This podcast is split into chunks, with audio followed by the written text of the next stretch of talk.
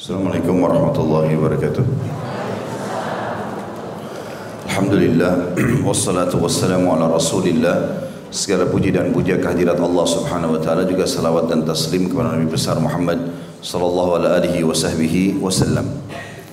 Melanjutkan bahasan bedah buku kita Adab Mufrad yang tulis oleh Imam Bukhari rahimahullah dan kita akan masuk pada pagi ini semoga Allah berkahi bab ke-71 masalah kemuliaan. Hadisnya adalah nomor 129. Imam Bukhari berkata rahimahullah, Muhammad bin Salam mengabarkan kepada kami ia berkata, Abdah mengabarkan kepada kami dari Ubaidillah atau Ubaidullah dari Sa'id ibn Abi Sa'id. An Abi Hurairah radhiyallahu anhu qala su'ila Rasulullah sallallahu alaihi wasallam ayyun nasi akram? Qala akramuhum 'inda Allah atqahum qalu laysa an hadha nas'aluk قال فأكرم الناس يوسف نبي الله ابن نبي الله ابن خليل الله. سيولاني قال فأكرم الناس يوسف نبي الله ابن نبي نبي الله ابن خليل الله. قالوا ليس عن هذا نسألك. قال فعن معادن العرب تسألوني. Qalu na'am. Qala fa khiyarukum fil jahiliyati khiyarukum fil islami idza faqihu.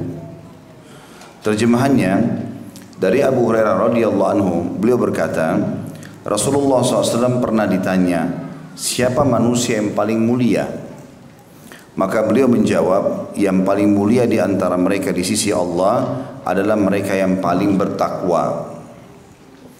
Lalu para sahabat berkata bukan itu yang kami tanyakan maka beliau wasallam bersabda, manusia yang paling mulia adalah Yusuf, Nabiullah, maksudnya nabinya Allah, putra Nabiullah, maksudnya putranya Nabi Allah juga karena ayah Nabi Yusuf Yakub juga nabi, putra Khalilullah atau kekasih Allah. Ini julukannya Nabi Ibrahim alaihissalam, kakeknya Nabi Yusuf.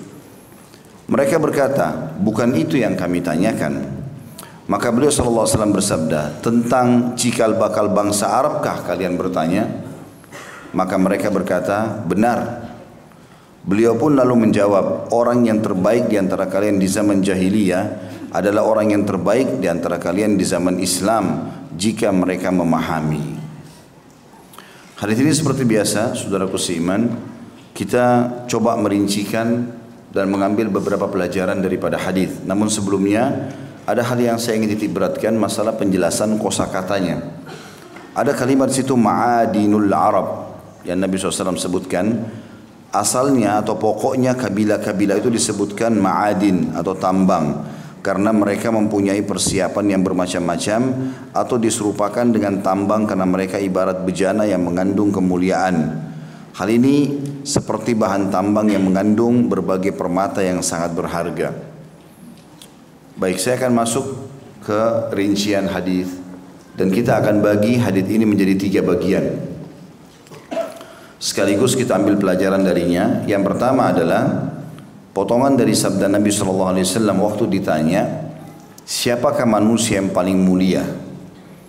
Kalau orang teman-teman sekalian dikatakan jiwanya mulia, berarti orang itu sangat baik, lembut, ramah, dermawan, berkumpul semua sifat kebaikan.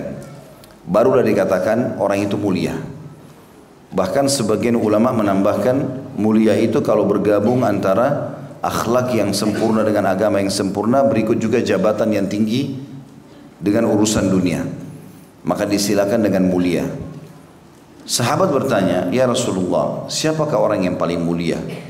Kami bisa menilai orang mulia itu dari mana?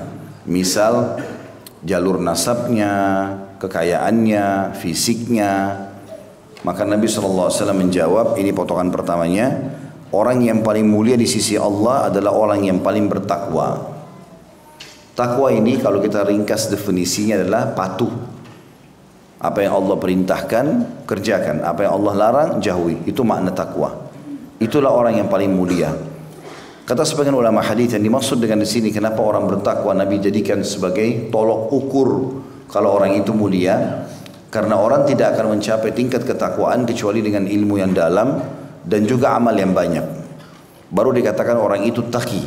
Taki itu artinya betul-betul patuh sama Allah. Hampir seluruh perintah Allah tidak ada yang tertinggal, semuanya dikerjakan, wajib atau sunnah, dan seluruh larangan Allah dijauhi, haram ataupun makruh.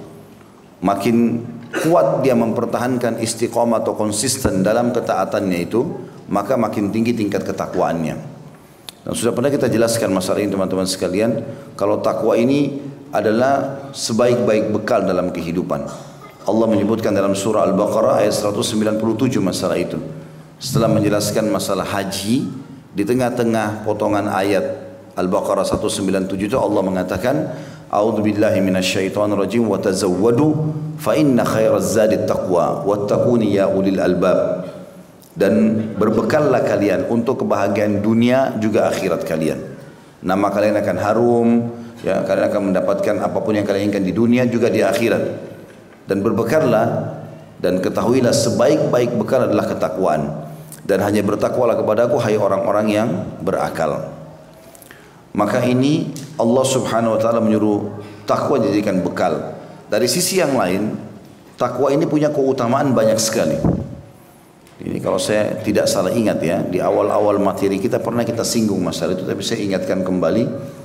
Saya pernah mencari secara pribadi di Mu'jam Al-Fadh Quran, jadi seperti kamus untuk mencari surah ini, ayat ini di surah berapa, di ayat berapa ya. Seperti kamus mencari Al-Quran. Umumnya insya Allah da'i tahu masalah itu, buku itu. Saya pernah coba telusuri term daripada kalimat takwa ini. itu kurang lebih ada 226 ayat dengan beragam macam termnya ya. Jadi misalnya takwa, taqi, muttaqin, muttaqun ya, yattaqun. Ini semua ini masuk kurang lebih 226 ayat dan tidak ada satupun amal soleh yang mencapai keutamanya sebanyak itu. Di antaranya adalah yang paling mendasar itu dalam surah At-Talaq. Jadi dari 226 ayat itu silakan dibuka surah At-Talaq surah nomor 65 ayat 2, ayat 3, ayat 4, ayat 5 ya. Ada empat ayat berurutan di situ. Sudah pernah saya ingatkan itu ya? Pernah dibahas? Sudah pernah ya? Oh. Baik intinya di ayat 2-nya Allah mengatakan wa may yattaqillah yaj'al lahu makhraja. Siapa yang bertakwa Allah akan berikan jalan keluar dari masalah hidupnya. Di ayat 3-nya wa yarzuqhu min haitsu la yahtasib. Allah akan berikan rezeki dari tempat tidak disangka-sangka. Di ayat empatnya Allah bilang wa may yattaqillaha eh, yaj'al min amrihi yusra. Allah akan mudahkan seluruh perkaranya dan juga di ayat limanya Allah bilang wa may yattaqillaha yukaffir anhu sayiati wa yu'dim lahu ajra. Siapa yang bertakwa kepada Allah, Allah akan maafkan semua kesalahannya dan juga Allah akan melipat gandakan pahalanya dan sekian banyak keutamaan tentang masalah takwa. Intinya teman-teman sekalian, Allah hanya menilai ketakwaan seseorang. Allah tidak menilai fisiknya, paras wajahnya. Makanya dalam sebuah hadis Bukhari kata Nabi SAW, Inna Allah la yanzuru ila suwarikum wa la ajsamikum wa la yanzuru ila kulubikum wa amalikum. Allah tidak akan pernah melihat paras wajah dan postur tubuh kalian, warna kulitnya segala macam, tapi Allah melihat kepada hati dan amal kalian. Ini orang yang paling mulia di sisi Allah Subhanahu wa taala. Potongan yang kedua, adalah waktu Nabi mengatakan itu mereka sahabat mengatakan bukan itu ya Rasulullah ada yang lain yang kami harapkan lalu Nabi SAW jelaskan yang kedua dikatakan manusia yang paling mulia yang paling tampan, yang paling pintar, yang paling baik adalah nabinya Allah Yusuf alaihissalam. Anaknya nabinya Allah Yakub. Karena Nabi Yakub juga nabi anaknya Khalilullah, kekasih Allah, Ibrahim alaihissalam. Ya. Yang kita tahu Nabi Ibrahim alaihissalam dapat julukan Abul Anbiya, bapaknya para nabi-nabi. Nah, dari dua orang istrinya, Sarah ada Ishak, nabi, dan dari istrinya yang lain Hajar ada Ismail, dua-duanya nabi. Dan semua nabi-nabi sampai terakhir Nabi Muhammad SAW dari turunan Ibrahim, maka dapat julukan Abul Anbiya, ayahnya para nabi-nabi. Ya. Walaupun mayoritas nabi-nabi ini keluar dari jalurnya Ishak. Setelah Ishak ada Yakub. Nama lainnya Yakub adalah Israel.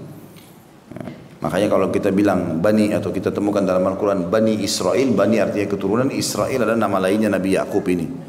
Kemudian di bawahnya ada Yusuf, kemudian terus saja ada Musa, ada Harun, ada Daud, ada Sulaiman, ya, ada Yunus, ada Ayub, ya. Semua ini sampai akhirnya Nabi Isa alaihissalam dikenal dengan nabi-nabi Bani Israel, keturunannya Nabi Yakub tadi. Nanti terakhir Nabi Muhammad SAW datang dari jalur sebelah Nabi Ismail alaihissalam. Dari potongan hadis yang kedua ini, Nabi SAW mengatakan, kalau yang kalian tanyakan adalah orang secara fisik dan akhlak yang paling mulia adalah Yusuf alaihissalam. Kenapa? Karena jalur nasabnya, dia, ayahnya, kakeknya, semua Nabi. Secara fisik Allah berikan dia sepertiga kekayaan dunia. Sampai Nabi Muhammad SAW sendiri pada saat Mi'raj ke langit, di langit ketiga, beliau lewati tujuh lapis langit. Di langit ketiga ketemu dengan Yusuf alaihissalam. Dan kata Nabi SAW waktu aku melihatnya, memang aku melihat dia diberikan sepertiga kegagahan dunia. Jadi sangat tampan, semua orang yang lihat pasti suka dengan Yusuf AS. Itu potongan kedua. Potongan yang ketiga, ternyata sahabat masih bukan itu yang mereka harapkan. Bukan itu ya Rasulullah. Kami mau tanya yang lain. Tapi mereka segan untuk menyampaikan itu. Maka Nabi SAW akhirnya memahami, Nabi mengatakan di potongan ketiga, tentang cikal bakal bangsa Arabkah kalian tanyakan? Maksudnya siapa di antara bangsa Arab ini nanti yang paling baik? Gitu. Maka Nabi SAW uh, mereka mengatakan iya ya Rasulullah kata Nabi SAW sesungguhnya orang yang terbaik di antara kalian di masa jahiliyah terbaik juga di dalam Islam. Artinya siapa dulu di fase Mekah dia sudah punya kelebihan-kelebihan, orangnya dermawan, orangnya baik. Kemudian setelah datang risalah yang aku bawa ini mereka beriman lagi, maka itu orang yang terbaik. Seperti contohnya Abu Bakar, Uthman bin Affan, Abu Bakar, Umar, Uthman, Ali, Talha, sahabat-sahabat Nabi yang mulia ini, maka mereka adalah orang-orang yang mulia karena sebelum masuk Islam memang mereka sudah terkenal punya kekayaan, punya kelebihan fisik, punya jalur nasab yang baik. Setelah masuk Islam juga sama. Maka kalau ada orang sebelum masuk Islam sudah kaya, sudah pintar, sudah gagah, sudah cantik segala macam, lalu dia mendapatkan hidayah dan dia masuk Islam itu mengumpulkan kebaikan-kebaikan yang banyak. Ya, karena orang-orang seperti ini banyak sekali penghalang-penghalang untuk tidak terima hidayah. Ada, ada orang mungkin kena ketampanan atau kecantikannya tidak masuk Islam. Ada orang juga kena ter, terlalu dianggap jalur nasabnya hebat maka dia tidak masuk Islam. Atau mungkin karena kekayaannya mau masuk Islam. Nah kalau orang-orang di antara mereka yang masuk Islam setelah mereka punya kemuliaan sebelumnya, mereka menerima lagi ini maka itu puncak daripada kemuliaan. Mereka menggabungkan kedua kemuliaan tersebut. Dan itu yang dimaksud dalam potongan ketiga dari hadis ini. Kandungan hadis yang ditulis oleh penulis di sini, beliau mengatakan yang pertama para sahabat bertanya kepada Nabi SAW tentang makna karam atau mulia. Kemudian beliau menjelaskan bahwa karam adalah gabungan dari kemuliaan nasab, takwa, amal soleh, ilmu, dan faham tentang agama. Jadi kalau kita mau bilang orang ini mulia, harusnya bergabung semua itu. Kalau dia sudah faham agama, terus orangnya baik, orangnya kaya, orangnya pintar, segala macam berkumpul, maka baru dikatakan orang itu karam, punya sifat karam. Ya. Kalau karam ini dia ditarik kepada individu, eh, kepada substansial kegiatan, misalnya eh, suka memberi, dermawan, itu bagian daripada karam suka tersenyum dan membantu orang, dermawan juga masuk dalam masalah karam ini, ya, kemuliaan. Dan semua substansial kehidupan ini kalau orang ada di semua lini itu, maka bergabunglah istilah karam pada dirinya.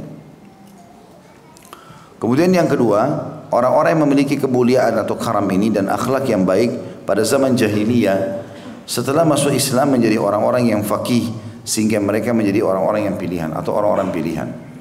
Ya, saya sudah bilang tadi termasuk misalnya uh, ada sahabat Nabi Salman Al Farisi radhiyallahu anhu. Ini orang ini sebelum masuk Islam memang sudah pernah mempelajari agama Yahudi, pernah mempelajari agama Nasrani. Jadi dia sudah betul-betul pelajari sampai mendalam, kemudian dia masuk Islam. Sehingga dia betul-betul faham tentang alur agama profetis ini atau agama yang dianggap samawiyah. Dia paham benar orang Yahudi itu pemahamnya seperti apa sih? Apa isinya Taurat? Dia paham apa yang dikatakan oleh Nasrani, apa isinya Injil. Lalu dia masuk Islam dan dia paham betul apa yang dikenal atau disebutkan dalam Al-Quran. Maka orang seperti ini pada saat masuk Islam dengan sendirinya Allah muliakan dia karena dia sudah punya kemuliaan sebelumnya, dia sudah faham, ya, punya kekayaan, punya kedudukan, kemudian dia masuk Islam dan dimuliakan juga dalam Islam.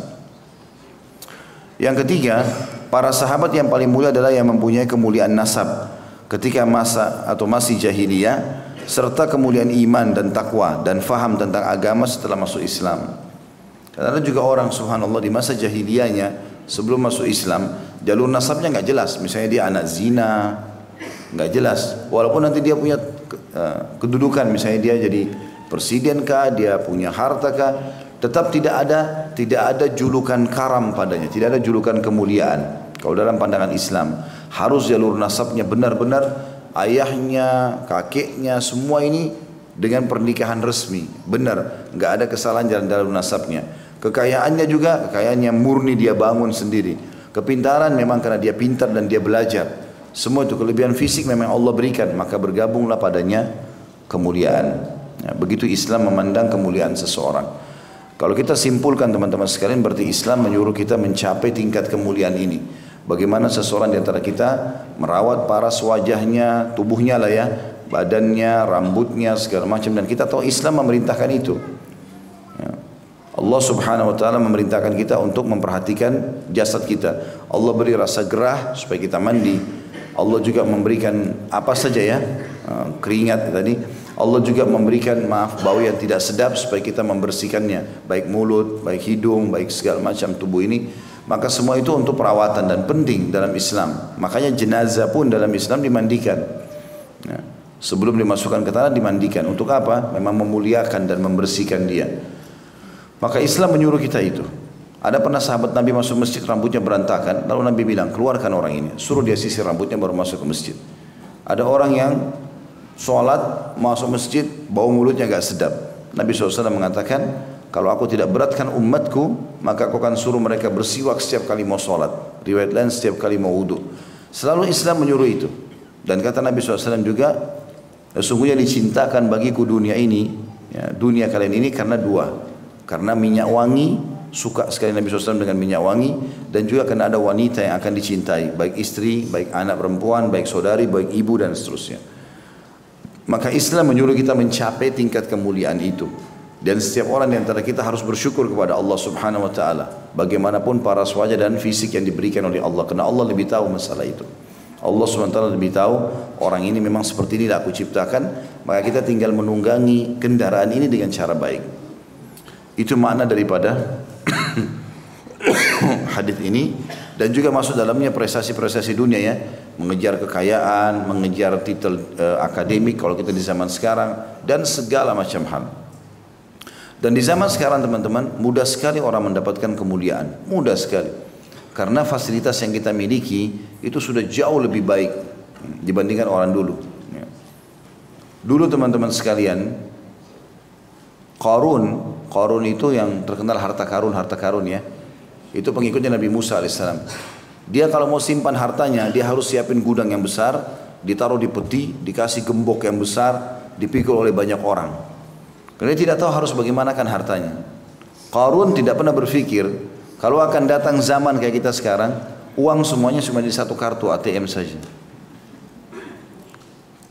Dan kita tinggal masukkan di mesin ATM, bahkan sekarang dengan ada internet banking segala macam, SMS banking dengan sangat mudah kita transfer ke orang sekian banyak, tiba-tiba dia sudah bisa terima.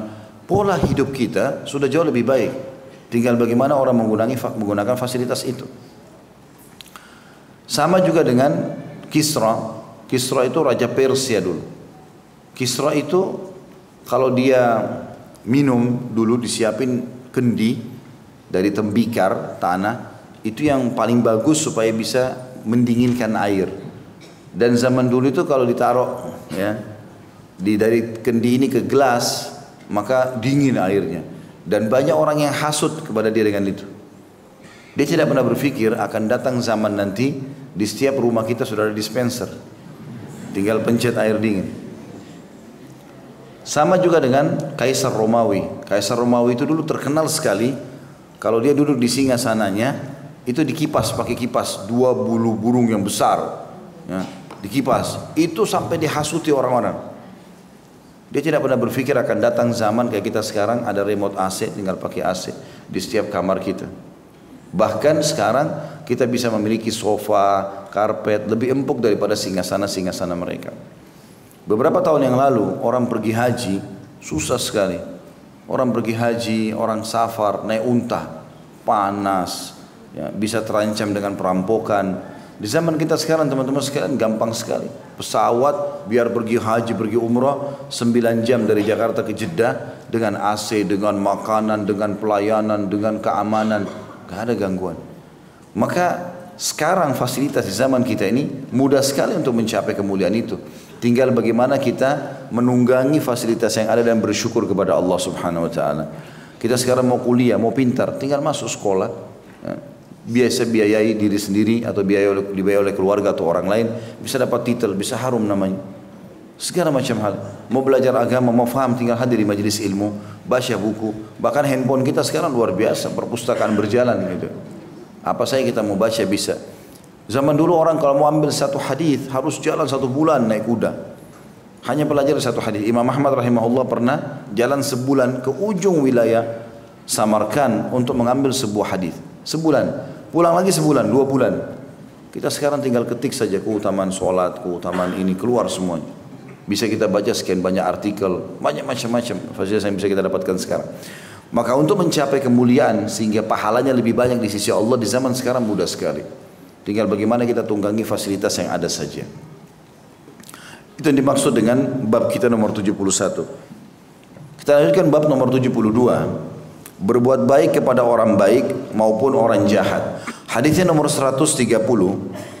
Imam Bukhari berkata rahimahullah, Al-Humaidi mengabarkan kepada kami, ia berkata, Sofyan mengabarkan kepada kami, ia berkata, Salim bin Abi Hafsa mengabarkan kepada kami, dari Munzir Al-Thawri an Muhammad ibn Ali ibn Al-Hanafiyah hal jazaa'ul ihsani illa al-ihsan? Qala hiya musajjalatun lil barri wal fajir qala Abu Abdullah qala Abu Ubaidah musajjalatun mursalah dari Muhammad bin Ali dan ada julukannya Al-Hanafiyah nah, ini teman-teman Muhammad bin Ali maksudnya anaknya Ali bin Abi Thalib radhiyallahu anhu. Kenapa ada Al-Hanafiyah? Karena Muhammad ini lahir setelah Hasan dan Husain radhiyallahu anhu majma'in. Hasan dan Husain ibunya mulia Fatimah Zahra radhiyallahu anha. Maka setelah Fatimah meninggal, Ali bin Abi Thalib menikah sama satu wanita dari suku Hanafiyah, lahirlah Muhammad ini. Maka untuk membedakan antara anaknya Ali bin Abi Thalib dari Fatimah yang merupakan cucu Nabi SAW secara, atau anak Nabi SAW secara langsung dengan wanita Hanafiyah ini maka dikatakan Muhammad bin Ali Al-Hanafiyah atau dikenal dengan Muhammad Al-Hanafiyah. Muhammad bin Ali Al-Hanafiyah rahimahullah menjelaskan tentang ayat Al-Quran dalam surah Ar-Rahman. Apakah atau bukankah balasan bagi kebaikan adalah kebaikan juga? Ia berkata, itu merupakan balasan yang lepas untuk orang baik dan juga orang jahat. Abu Abdullah berkata, Abu Ubaid mengatakan balasan yang dikirimkan. Hadis ini teman-teman punya makna Allah Subhanahu wa taala memerintahkan kita agar membalas kebaikan dengan kebaikan. Bahkan orang yang berbuat jahat pun kita diperintahkan dalam Islam untuk membalas dengan kebaikan. Tidak ikut-ikutan jadi bodoh seperti dia. Sering saya bahasakan itu.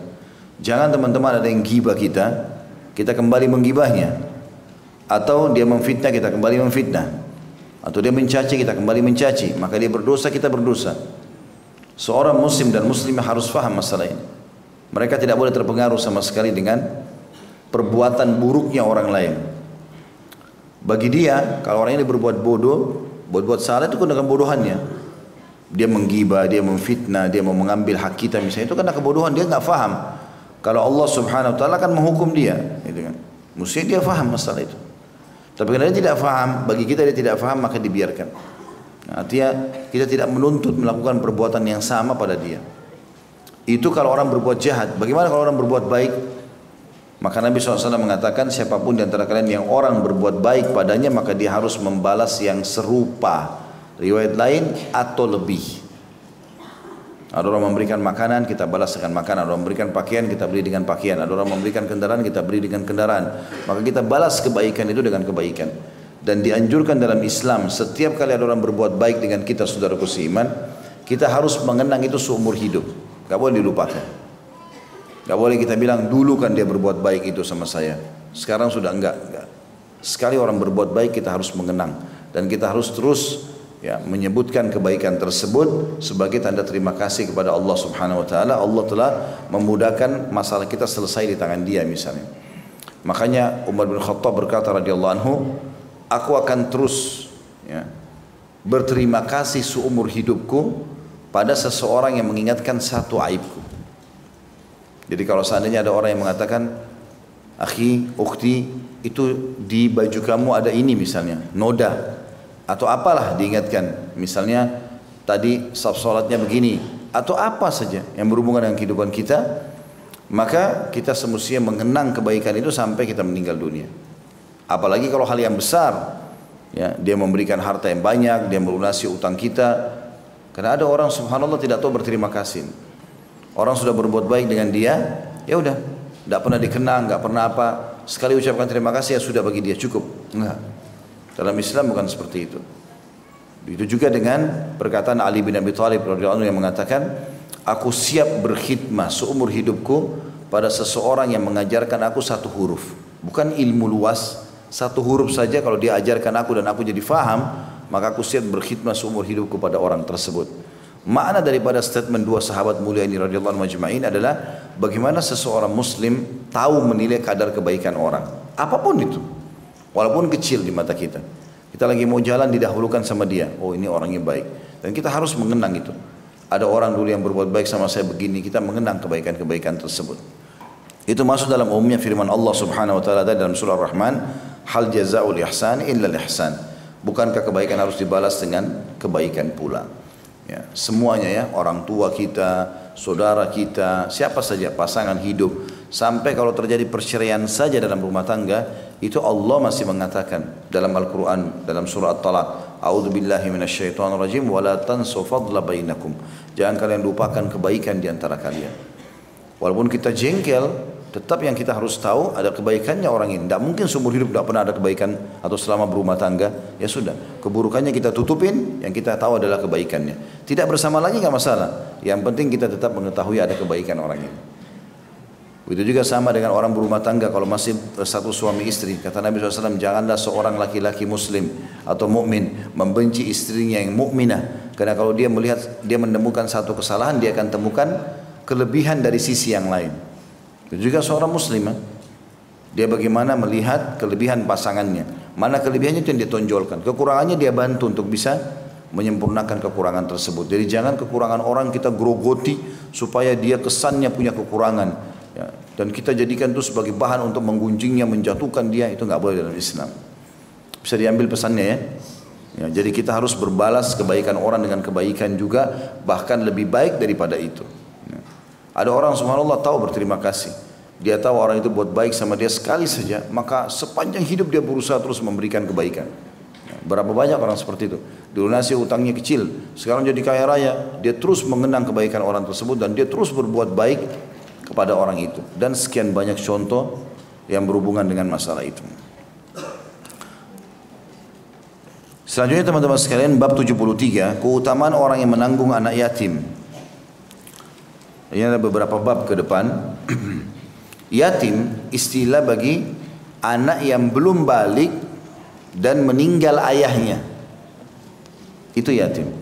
Dua syaratnya. Belum balik yang meninggal ayahnya. Jadi kalau meninggal ibunya nggak dikatakan yatim. Atau kalau sudah balik sudah nggak dikatakan lagi yatim. Jadi jangan kakek-kakek nenek-nenek ngaku yatim. Bantu saya saya anak yatim. Anak yatim dari mana? Syaratnya sebelum balik. Ya. dan juga yang meninggal ayahnya. Makanya dalam bahasa Indonesia kalau ibunya meninggal ditambah piatu. Ya. di dalam Islam kita tidak ada istilah piatu ini. Karena yatim itu istilah bagi orang yang kehilangan ayah sehingga yang menopang hidupnya sudah nggak ada. Karena umumnya wanita kan menjaga anak di rumah yang bekerja laki-laki Maka diistilahkan yatim bagi anak yang belum balik dan ayahnya meninggal. Jelas ini ya? Banyak keutamanya teman-teman sekalian. Banyak sekali keutamanya. Di antaranya hadis ini dulu kita akan bacakan. Hadis nomor 131. Imam Bukhari berkata rahimahullah, Ismail mengabarkan kepada kami ia berkata, Malik mengabarkan kepadaku dari Thawr ibn Zaid dari Abu Gaith an Abi Hurairah radhiyallahu anhu anin Nabi sallallahu alaihi wasallam as-sa'i 'alal armalati wal masakini kal mujahidi fi sabilillah wa kalladhi yasumu an-nahara wa yaqumu al-lail dari Abu Hurairah radhiyallahu anhu dari Nabi sallallahu alaihi wasallam orang yang berusaha menghidupi para janda dan orang-orang miskin seperti orang yang berjuang di jalan Allah dan seperti orang yang berpuasa di siang hari serta berdiri sholat di malam hari. Hadis ini menjelaskan kepada kita tentang masalah pentingnya seseorang muslim peduli dengan keadaan orang-orang yang sedang membutuhkan bantuan. Disebutkan di sini kalimat as-sa'i. As-sa'i itu kalau dalam bahasa Indonesia orang yang sengaja keluar mencari. Nah, makanya kita bilang kalau jalan antara Safa dan Marwah kan sa'i, ya kan? Berarti dia berjalan untuk mencapai targetnya. Maka as-sa'i dikatakan orang yang berusaha keluar untuk mencari tahu alal armala. Armala adalah janda yang punya anak. Disilakan dengan armala. Ya, bisa juga makna di sini ada penjelasan kosakata wanita yang telah ditinggal mati suaminya. Ya, bisa masuk di dalamnya adalah semua janda umumnya. Tetapi yang ditekankan lebih jauh adalah janda yang memiliki anak-anak yang dia tanggung. Sehingga anak-anak yatimnya ini yang diurus gitu kan. Kesannya begitu. Maka siapa pun yang keluar sengaja mencari tahu janda-janda itu dibantu, anak-anak yatimnya dibantu, juga membantu orang-orang miskin. Nah, istilah miskin beda dengan fakir. Kalau fakir orang yang tidak tahu mau makan apa hari ini apalagi besok. Pakaiannya pun nggak tahu bisa ganti atau tidak, itu orang fakir. Miskin di atasnya sedikit, punya pendapatan tapi masih belum cukup. Ya. Disilakan dengan di sini dalam hadis siapa yang keluar sengaja mencari tahu dan membantu para janda dan juga orang-orang miskin, dia seperti mujahid di jalan Allah. Ya. Tentu kalau orang miskin disebutkan berarti fakir lebih pantas gitu kan. Dan sama juga pahalanya dengan orang yang berpuasa di siang hari serta berdiri sholat di malam hari. Ya. Artinya mendapatkan pahala lengkap puasa dan pahala lengkap juga sholat malam. Hadis ini mengandung makna teman-teman sekalian yang pertama pentingnya seseorang muslim dan muslimah sibuk mencari tahu tentang keadaan para janda apa terutama yang memiliki anak-anak yatim yang kemudian diurus oleh dia ya dan di sini saya bilang tadi yatim armala itu dikatakan istilah armala ini janda yang ditinggal mati suaminya sehingga anak-anaknya jadi yatim. Ada sebagian ulama masukkan semua janda. Padahal sebenarnya yang masuk umumnya dalam hadis ini adalah janda yang meninggal suaminya sehingga tidak lagi penaungnya. Kalau cerai cuma cerai saja maka si suami yang menceraikan tadi atau sudah bercerai sama istrinya tetap punya kewajiban membiayai anaknya maka anaknya tidak dikatakan yatim. Yatim di sini hanya yang betul-betul ayahnya meninggal. Juga diambil pelajaran tentang pentingnya membantu orang-orang miskin tanpa memandang bulu siapa saja dia. Intinya dia miskin dan miskin sekali lagi orang yang punya pendapatan tapi tidak cukup. Jadi nggak boleh teman-teman kita lihat ada orang misalnya, saya berapa kali temukan di lampu merah ya. Kalau kita lagi jalan, kadang-kadang ada yang jual minuman. Berapa botol minuman yang dibawa sama dia? 3 4 botol minuman, 5 6. Kadang-kadang cuma gunting kuku, kadang-kadang cuma lem, kadang-kadang cuma kanibo, apalah dibawa ya. Dan itu berapa? Saya kadang-kadang kalau lagi lihat mereka, saya coba hitung kira-kira berapa nih? Harga minuman 5 ribu, kali maksimal yang bisa dibawa 10 misalnya 50 ribu kadang-kadang dari pagi sampai malam sampai atau sampai sore menjual kenapa teman-teman kita nggak coba beli saja bedakan antara orang yang nyodorkan tangannya minta dia tidak punya apa-apa yang dia bisa kasih ke kita itu kita kasih saja. Dengan orang yang menjual barang. Kalau jual barang beli. Karena itu akan memberikan dia keuntungan dan membuat dia semangat kerja. Gitu kan? Beli saja barangnya. Lalu kita bagikan ke orang lain juga boleh, gitu kan? Itu jauh lebih baik. Mungkin dia punya anak yang butuh menunggu dia di rumah, sehingga kalau kita habiskan barangnya, kita beli, niat sedekah, dia juga gembira, dia bisa memulai lagi usahanya besok, dan dia bisa segera pulang ke rumah. Tapi kalau kita kasih dia uang cash, bisa juga, tapi permasalahannya adalah dia masih sibuk menjual barangnya. Jadi bedain mana orang yang sodorkan tangan karena minta bantuan saja, dengan orang yang memang punya produk dia mau jual. Ada orang subhanallah mulia, ya. Saya pernah jalan dengan ayah saya di Makassar, sampai saya dilihatkan, ini lihat Khalid. Ada satu kakek sudah tua sekali, rambutnya putih semua, ada jenggotnya sedikit juga putih. Orangnya sudah tua sekali. Dia jual koran di lampu merah. Kata ayah saya, lihat orang ini, mulianya luar biasa. Dia nggak mau ngemis. Walaupun jual koran, untungnya berapa ratus rupiah satunya, tapi dia menjual. Bahkan subhanallah ada di antara mereka karena mulianya kita kasih uang, enggak, saya nggak mau terima. Beli barang saya saja gitu kan. Ada orang begini pernah saya temuin subhanallah kita mau kasih duit dia nggak mau. Nggak saya beli saja barang saya. Dan itu yang benar sebenarnya. Jadi kita membantu dia untuk tetap semangat bekerja gitu kan. Atau mungkin kalau kita mau lebih jauh bisa kita tahu alamatnya kita bisa menambahkan modal buat dia atau apalah ya. Yang jelas kita disuruh berbuat baik ini. Hmm. Dan ini pahalanya sangat besar sama dengan mujahid di jalan Allah jadi sama dengan jihad. Tidak cukup lagi itu. Juga dia seperti orang yang sibuk puasa dan juga sibuk sholat malam. Kata sebagian ulama hadis kalau seandainya dia setiap hari mengerjakan itu berarti setiap hari seperti jihad setiap hari juga dia seperti orang sholat malam dan puasa. Kalau ada orang misalnya dia menaungi e, lima orang atau sepuluh orang janda yang punya anak-anak yatim kemudian dia kasih ini beras, ini sembako lah saya kasih tiap bulan. Maka setiap hari dikonsumsi selama sebulan, berarti setiap selama sebulan itu dia sama dengan pahala jihad, sama dengan pahala sholat malam dan puasa. Ya, kalau dia cuma kasih sekali saja, misalnya cuma kasih roti, kasih minum air, sekali saja ya sudah sekali itu saja dihitung dia seperti jihad. Makanya pernah saya bilang kita usahakan teman-teman punya kantong-kantong amal soleh ini. Misalnya rumah anak yatim yang ada di dekat rumah. Setiap orang yang terdekat kita harus punya jadwal itu. Cari rumah anak yatim yang terdekat, sumbangkan sesuatu, apa saja, walaupun kecil. Misal di situ ada 100 anak yatim. Mereka makan beras setiap harinya misalnya anggap 50 kilo atau 100 kilo beras dalam satu bulan.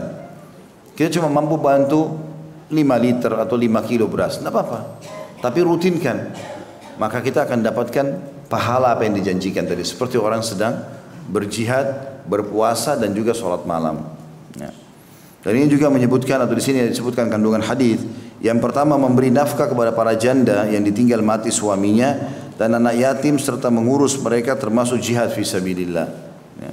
Tadi saya bilang kalau janda yang cerai maka si suami tadi tetap wajib menafkahi anaknya dan tidak dikatakan anak yatim. Yang kedua, anjuran agar memberi jalan keluar atas berbagai penderitaan orang-orang miskin dan orang-orang yang membutuhkan. Bantu apa saja, gitu kan? Bantu apa saja. Teman-teman kadang-kadang kita tidak tahu subhanallah mana di antara orang miskin ini yang mengangkat tangannya di malam hari lalu berdoa kepada Allah karena kita memberikan sesuatu. Selalu jangan lewatkan ada orang miskin kecuali kita kasih. Kasih apa saja. Kasih apa saja. Mungkin bagi kita tidak terlalu bermakna tapi bagi dia sangat bermakna. Dari mana kita tahu teman-teman sekalian? Di dalam sebuah hadis yang sahih disebutkan ada orang niat bersedekah dengan niat yang baik. Maka dia keluar, dia jalan. Lalu dia bawa uang untuk bersedekah. Ketemulah dia dengan seorang wanita pelacur. Lalu kemudian dia mengatakan, saya sudah niat sedekah, saya kasih uang ini. Pelacur itu kira dia mau ditudurin. Maka dia mengatakan, apakah anda akan tidur dengan saya? Dia bilang tidak. Saya niat sedekah maka saya beri. Maka kata Nabi SAW, dengan niatnya itu, si, si pelacur ini malu dan dia lihat uang itu cukup banyak, maka dia berhenti dari perzinahan. Malam kedua dia mengatakan, saya akan keluar juga, saya akan memberikan sedekah lagi malam ini. Maka dia ketemu dengan seorang uh, pencuri yang niat untuk mencuri. Kemudian dia berilah uang tersebut. Lalu orang ini pencuri ini heran. saya tidak menodongnya, tidak segala macam sudah dikasih. Kenapa kau kasih saya? Dia bilang saya niat bersedekah. Siapa tahu bisa bermanfaat untuk kamu.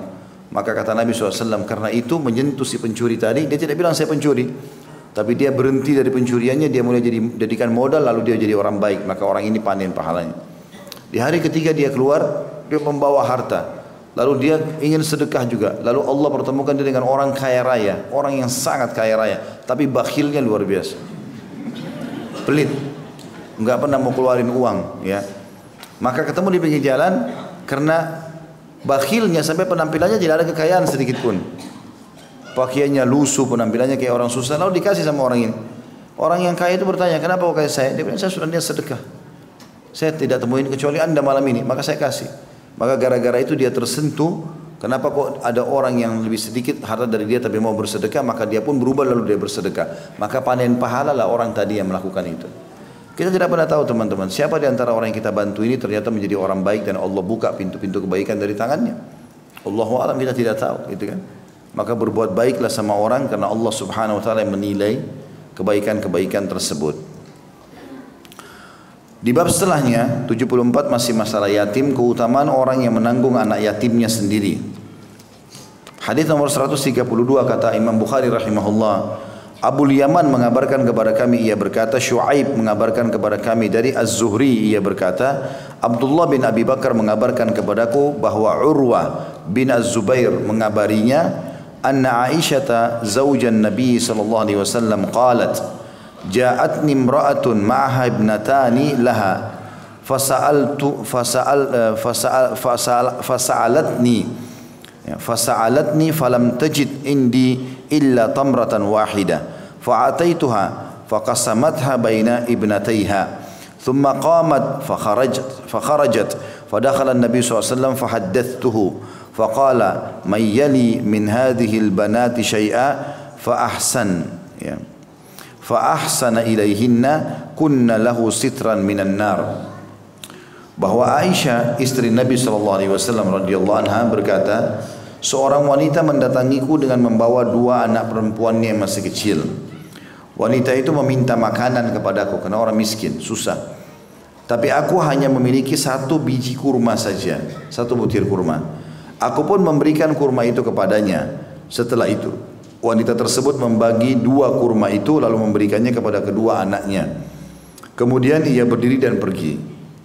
Tak lama kemudian Rasulullah SAW datang dan aku pun mengabarkan kejadian itu kepada beliau.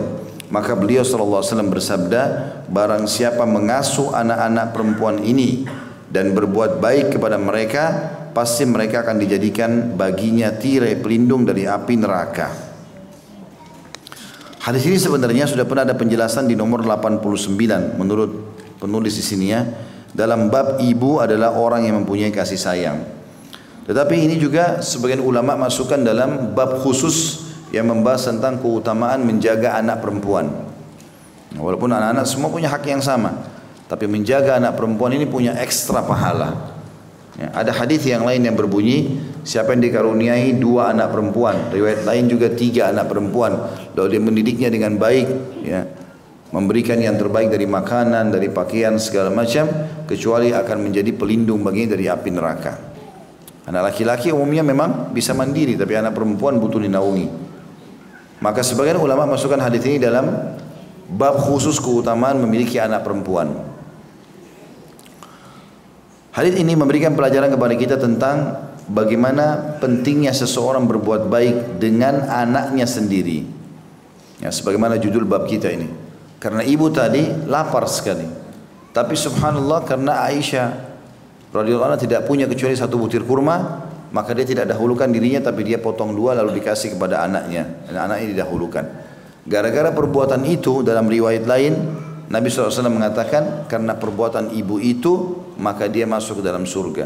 Kalau riwayat kita ini kan anak-anak perempuan tadi yang dikasih makan itu akan menjadi penolong darinya atau pelindung dari api neraka.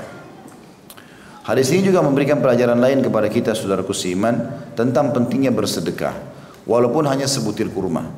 Apa pun yang kita miliki, makanan, minuman segala macam. Makanya kalau kita makan jangan diacak-acak semuanya. Misalnya makanan itu yang kita sentuh, yang kita kira-kira butuhkan, Kemudian yang sisa yang belum disentuh itu bisa kita bungkuskan atau kasih kepada orang lain. Sehingga tidak merusak ya makanan itu. Ini juga keutamaan tersendiri. Karena Aisyah radhiyallahu anha merasa ya, tidak punya apa-apa kecuali satu butir kurma tapi tetap beliau bersedekah. Dan sudah pernah saya ceritakan ini banyak sekali uh, keutamaan Aisyah radhiyallahu dalam sedekah. Di antaranya beliau pernah mau buka puasa di hari Kamis kayak kita begini lagi puasa beliau mau buka puasa Ternyata dia bilang sama pembantunya ada ada makanan enggak? Tinggal ada roti sama minyak. Ya. Ini makanan yang paling sederhana pada saat itu karena tidak ada makanan. Lalu kemudian menjelang buka puasa berapa menit saja, berapa saat ada orang ketuk-ketuk pintu orang miskin. Maka Aisyah melihat orang miskin minta makanan dia bilang sama pembantunya kasih roti itu. Maka pembantunya ikut dikasih gitu kan. Lalu setelah tutup pintu kata pembantunya wahai ummul mukminin, wahai ibunya orang-orang beriman, apa yang kita mau makan? Sebentar lagi azan. Ya. Kita tidak ada buka puasa. Kata Aisyah, yakinlah kepada Allah. Subhanallah, orang miskin tadi yang pergi belum berapa langkah jalan masih ada orangnya. Tiba-tiba ada satu tetangga Aisyah datang, radhiyallahu anha, membawa makanan kambing utuh satu ekor, sudah dikasih uh, gandum dan pakai za'faran. Za'faran itu mahal sekali, pewangi makanan gitu. Maka diantarlah oleh tetangga tersebut lalu diantar masuk dalam rumah lalu Aisyah berbuka puasa dengan makanan tersebut sama pembantunya sampai kenyang. Lalu Aisyah tersenyum sambil mengatakan, ini lebih baik dari roti keringmu tadi. Artinya Allah SWT akan balas, yang penting kamu ikhlas. Syaitan sering kali negosiasi dalam masalah perbuatan seperti ini. Jangan negosiasi sama dia. Hmm. Gak usah lah. Kau mau makan apa? Nanti susah. Kau kan juga perlu. A'udzubillahi minasyaitonirrajim. Bakhil berapa kali saya bilang penyakit jiwa. Harus berobat. Ya. Orang-orang yang punya sifat bakhil, perhitungan di jalan Allah ini butuh berobat, penyakit jiwa. Nah, jangan tersinggung ya yang bakhil-bakhil ini. Tapi kalau tersinggung juga bagus, tidak apa-apa. Karena pernah ada sahabat begitu. Ditanya oleh Nabi SAW, siapa pimpinan suku kalian? Disebutlah namanya si Fulan. Orang ini tampan, gagah, uh, punya wibawa segala macam. Ya. Lalu kata Nabi SAW, oh si Fulan, bagaimana dia? Kata kaumnya, orangnya tampan, orangnya wibawa, orangnya bijaksana, tapi bakhil. Kata Nabi SAW, dan penyakit apa yang lebih berat daripada bakhil? Bakhil, pelit, tidak mau royal di jalan Allah. Bahkan untuk dirinya sendiri juga pelit. Ini sudah sering saya ingatkan. Jangan teman-teman sekalian. Royal di jalan Allah baik. Yang tidak boleh itu royal pada kemaksiatan. Itu nggak boleh. Keluarin duit, orang berzina, bayar sekian juta. Itu nggak boleh. Tapi kalau dia menggunakan itu dalam kebaikan buat diri dia dia menikah misalnya dia buat acara atau dia sedekah buat masjid atau apa saja atau dia umroh dan haji dengan biaya mahal maka itu semua kebaikan hmm. dan Allah SWT akan balas sesuai dengan pengorbanan dia tentunya ya. maka ini harus digarisbawahi juga baik itu hadis tadi yang kita sebutkan di bab 74 tentang bagaimana keutamaan bersedekah walaupun hanya sebutir kurma. Kemudian hadis nomor atau bab nomor 75 Fadilah orang yang menanggung anak yatim piatu.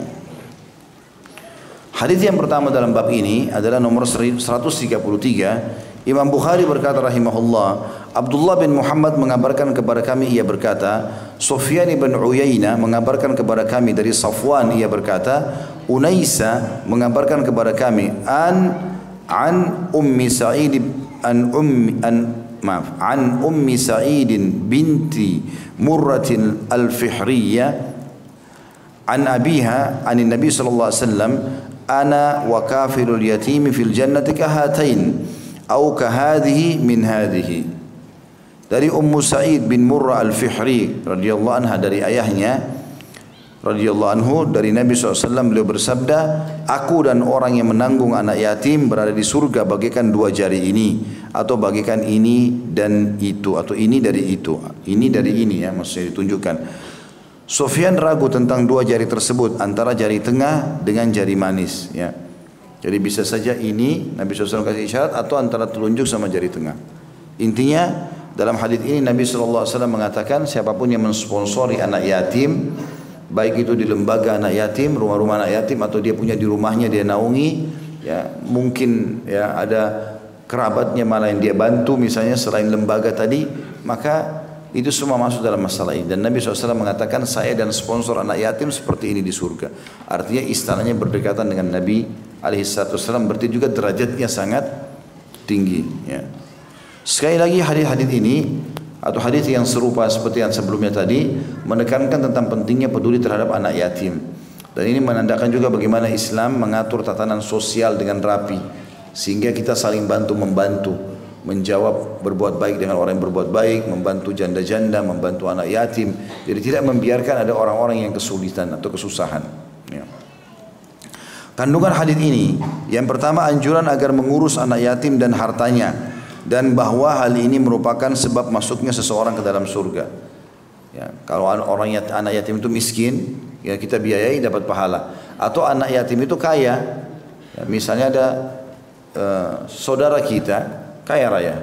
Kemudian dia terbang naik pesawat sama istrinya meninggal, pesawatnya jatuh. Hartanya banyak, anaknya cuma satu, masih kecil, masih dua bulan, tiga bulan, masih satu tahun. Harta si bayi ini banyak. Nah kita sebagai walinya sekarang, kita mengelola harta tersebut dengan baik, menjaga sebagai amanah. Ini semua dapat jaminan surga. Boleh membiayai si anak tersebut, bahkan kalau dia miskin boleh diambil sebagian sesuai dengan kebutuhan rumah saja, bukan dipakai untuk yang lainnya. Maka itu juga termasuk mensponsori anak yatim tadi. Yang kedua, adanya isyarat bahwa derajat antara Nabi SAW dan pengurus anak yatim sejauh jarak jari telunjuk dan jari tengah. Ya. Artinya seperti ini saja. Sangat dekat ya walaupun dijauhkan maka jaraknya tetap saja dekat ya. Dan menandakan juga ya, tinggi dan pendeknya yang kata sebagian ulama sangat dekat. Tentu tidak mungkin ada orang sederajat dengan Nabi. Tapi orang di bawahnya dan sangat dekat dengan Nabi SAW karena beliau memiliki istana namanya Al-Wasilah. Ya, sebagaimana kita kalau selesai azan kita berdoa ati Muhammadanil wasilah ya. Kata Nabi SAW kalau kalian dengarkan muadzin jawablah seperti yang diucapkan lalu bacalah salawat kepada aku siapa yang baca salawat kepada aku satu kali Allah balas sepuluh kali dan mintalah untukku wasilah karena dia adalah istana tertinggi di surga tidak dimiliki kecuali untuk satu orang hamba Allah dan aku berharap aku pemiliknya siapa yang memohon wasilah untukku dia akan dapat syafaatku. Jadi ini ya kedudukan wasilah tidak bisa orang capai tapi ada orang yang bisa dekat dengan Nabi SAW. Artinya sangat dekat posisinya. Makanya jari tengah diisyaratkan adalah Nabi SAW dan jari telunjuk adalah orang yang sponsor anak yatim ini. Yang ketiga, Ibnu Batal rahimahullah berkata, Orang yang mendengar hadis ini sudah sepantasnya mengamalkannya agar menjadi teman Nabi SAW di surga. Tidak ada kedudukan di akhirat yang lebih baik daripada kedudukan itu. Artinya mestinya orang faham, oh ternyata balasnya besar sekali. Kita bisa bersama Nabi SAW walaupun amal kita tidak banyak, gitu kan? Hanya dengan mensponsori anak yatim. Dan ingat ya, sponsor anak yatim berapapun semampu kita cukup. Tadi sudah dikasih gambaran, bahkan Aisyah cuma memberikan sebutir kurma. Ya, kalau kita cuma bisa satu liter beras, satu kilo beras, lima kilo beras berikan. Dan usahakan sudah memblok. Apalagi yang Allah swt bukakan rezeki masya Allah yang luas. Dia bisa mensponsori 100 anak yatim, 200 mensponsori sekian banyak rumah anak yatim, ribuan orang. Maka itu sangat luar biasa. Makin banyak pahala yang dia dapatkan. Hadis yang kedua di bab kita ini nomor 134 Imam Bukhari berkata rahimahullah Amr bin Muhammad mengabarkan kepada kami ia berkata Hushaim mengabarkan kepada kami ia berkata Mansur mengabarkan kepada kami Anil Hasan anna yatiman kana yuhdiru ta'am ibn Umar fada'a bi ta'amin dhata yawm fatalaba فطلب يتيمه فلم يجده فجاء بعدما فرغ ابن عمر فدعا له ابن عمر بطعام لم يكن عندهم fajahu bisawiqin wa asal. Faqala dunaka hadha? Wa wallahi ma gubid ma gubinta. Yaqulu al-Hasan wa ibn Umar wallahi ma gubin. Artinya hadis ini dari Al-Hasan Al-Basri rahimahullah bahwa seorang anak yatim pernah datang ke jamuan makan Ibnu Umar radhiyallahu anhuma. Suatu hari Ibnu Umar radhiyallahu anhuma mengadakan jamuan makan lalu ia mencari anak yatim itu namun tidak menemukannya Seusai jamuan, anak yatim itu datang. Ibnu Umar lalu memberinya makan roti sawik, ya, roti gandum dan madu. Seraya berkata, ini untukmu, demi Allah engkau tidak rugi. Al Hasan berkata, dan Ibnu Umar, demi Allah ia tidak merugi. Hadis ini memberikan gambaran kepada kita tentang pentingnya peduli terhadap anak yatim dan bagaimana mengundang anak yatim di acara-acara kita bagian daripada syariat. Nah, jadi sangat benar itu kalau ada orang mengundang anak yatim sekian dikasih sumbangan, baik itu di kantor-kantor, baik itu di manalah di rumah keluarga, acara keluarga itu sangat bagus. Karena Ibnu Umar Umar sering kali mengadakan jamuan makanan dan selalu fokus kepada anak-anak yatim yang makan. Bahkan ada anak yatim yang pada saat itu sudah janjian mau datang atau sering datang di acara jamuan makan Ibnu Umar satu hari tidak datang Ibnu Umar siap, siapkan sendiri. Ibnu Umar siapkan sendiri buat dia. Begitu pada saat dia datang orang tamu sudah mulai bubar semuanya maka Ibnu Umar tetap menyisikan makanan buat dia sambil mengatakan ini untukmu demi Allah engkau tidak rugi. Maksudnya kau tidak akan pernah aku lupakan. Itu maknanya. Dan Ibnu Umar berkata demi Allah ia tidak merugi. Maksudnya makna lainnya hadis demi Allah ia tidak merugi. Artinya anak yatim ini tidak akan pernah ketinggalan kesempatan untuk makan bersamaku. Kandungan hadis ini dikatakan perhatian para sahabat untuk berbuat baik kepada anak-anak yatim dan memberikan perhatian yang besar kepada mereka. Tentu maksud dalamnya semuanya ya pakaian, transportasi, segala macam biaya sekolah. Bahkan saya sarankan Bapak Ibu sekalian kalau bisa menjadi ayah dan ibu angkat ya. Walaupun tidak harus tinggal serumah dengan kita. Jadi kita misalnya biayai, ini 10 anak yatim, pokoknya saya yang sponsorin tiap bulan. Ya, kalau bisa kita aja keluarga, kerabat kita, di situ 100 orang, setiap orang kita 10 anak yuk. Misalnya jadi ada 10 orang yang menaungi 100 orang ini. Dari makannya, minumnya, segala macam ya pakaian sampai dia selesai sekolah. Bahkan kalau perlu sampai menikah. Hadis juga masih di bab yang sama nomor 135. Imam Bukhari berkata, Abdullah bin Abdu, bin Abdul Wahhab mengabarkan kepada kami ia berkata Abdul Aziz bin Abi Hazim mengabarkan kepadaku ia berkata ayahku mengabarkan kepadaku ia berkata sami'tu Sahal bin Sa'ad an Nabi sallallahu alaihi wasallam qal ana wa kafirul yatimi fil jannah hakadha wa qala bi isba'ihi as-sabbabati wal wusta Aku mendengar Sahal bin Sa'ad radhiyallahu anhu bahwasanya dari Nabi sallallahu alaihi wasallam beliau bersabda, "Aku dan orang yang menanggung anak yatim di surga kelak adalah demikian." Lalu Nabi sallallahu alaihi wasallam atau beliau bersabda sambil mengisyaratkan jari telunjuk sama jari tengahnya. Ya, seperti tadi saya sudah jelaskan ini. Hadis yang selanjutnya juga masih sama karena ini sudah kita jelaskan tadi, masih di bab yang sama nomor 136. Imam Bukhari berkata, Musa mengabarkan kepada kami ia berkata Al-Ala bin Khalid bin Wardan mengabarkan kepada kami ia berkata Haddathana Abu Bakr bin Habs anna Abdullah kana la ya'kulu ta'aman illa wa ala khiwanihi yatim Abu Bakar bin Habs rahimahullah berkata atau mengabarkan kepada kami bahwa Abdullah maksudnya Abdullah bin Umar radhiyallahu anhu tidak makan kecuali di tempat ia makan ada seorang anak yatim. Dari Abdullah bin Umar tidak pernah makan, baik itu sarapan pagi, makan siang, makan malam, makan apa saja kecuali pasti ada anak yatim bersamanya. Dan ini tentu teman-teman sekalian memang sangat penting untuk peduli dengan anak yatim ini, bergabung sama mereka, berbaur sama mereka, kemudian memenuhi segala kebutuhannya. Bahkan kalau teman-teman punya rumah yang luas dan bisa mensponsori anak yatim, tinggalkan di rumah bagus. Ya, nanti ada bab setelah ini, bab 76, sebaik-baik rumah adalah rumah yang di dalamnya ada anak yatim yang diperlakukan dengan baik. Dan ini hanya sampai balik saja sebenarnya, karena kan yatim sampai balik. Kalau sudah balik maka kita boleh mandirikan dia. Ya. Tapi kalau dia masih pun mau tinggal di rumah atau kita masih mau tinggalkan boleh, tapi untuk keadaan yatimnya sudah selesai sampai dia balik saja. Saya bacakan bab nomor 76 karena ini masih berhubungan dengan tema kita masalah anak yatim dan bagaimana sebaik-baik rumah adalah yang ada anak yatimnya.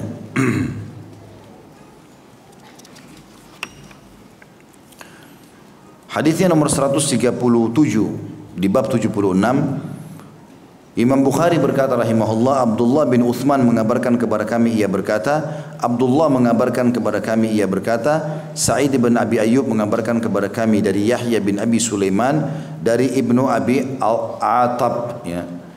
An Abi Hurairah radhiyallahu anhu qala qala Rasulullah sallallahu alaihi wasallam khairu baitin fil muslimina baitun fihi yatimun yuhsanu ilayhi wa syarru baitin fil muslimina baitun fihi yatimun yusa'u ilayhi ana wa kafilul yatimi fil jannah kahataini yushiru bi isba'ihi Dari Abu Hurairah radhiyallahu anhu beliau berkata, Rasulullah SAW bersabda sebaik-baik rumah di kalangan kaum muslimin adalah rumah yang di dalamnya ada anak yatim yang diperlakukan dengan baik.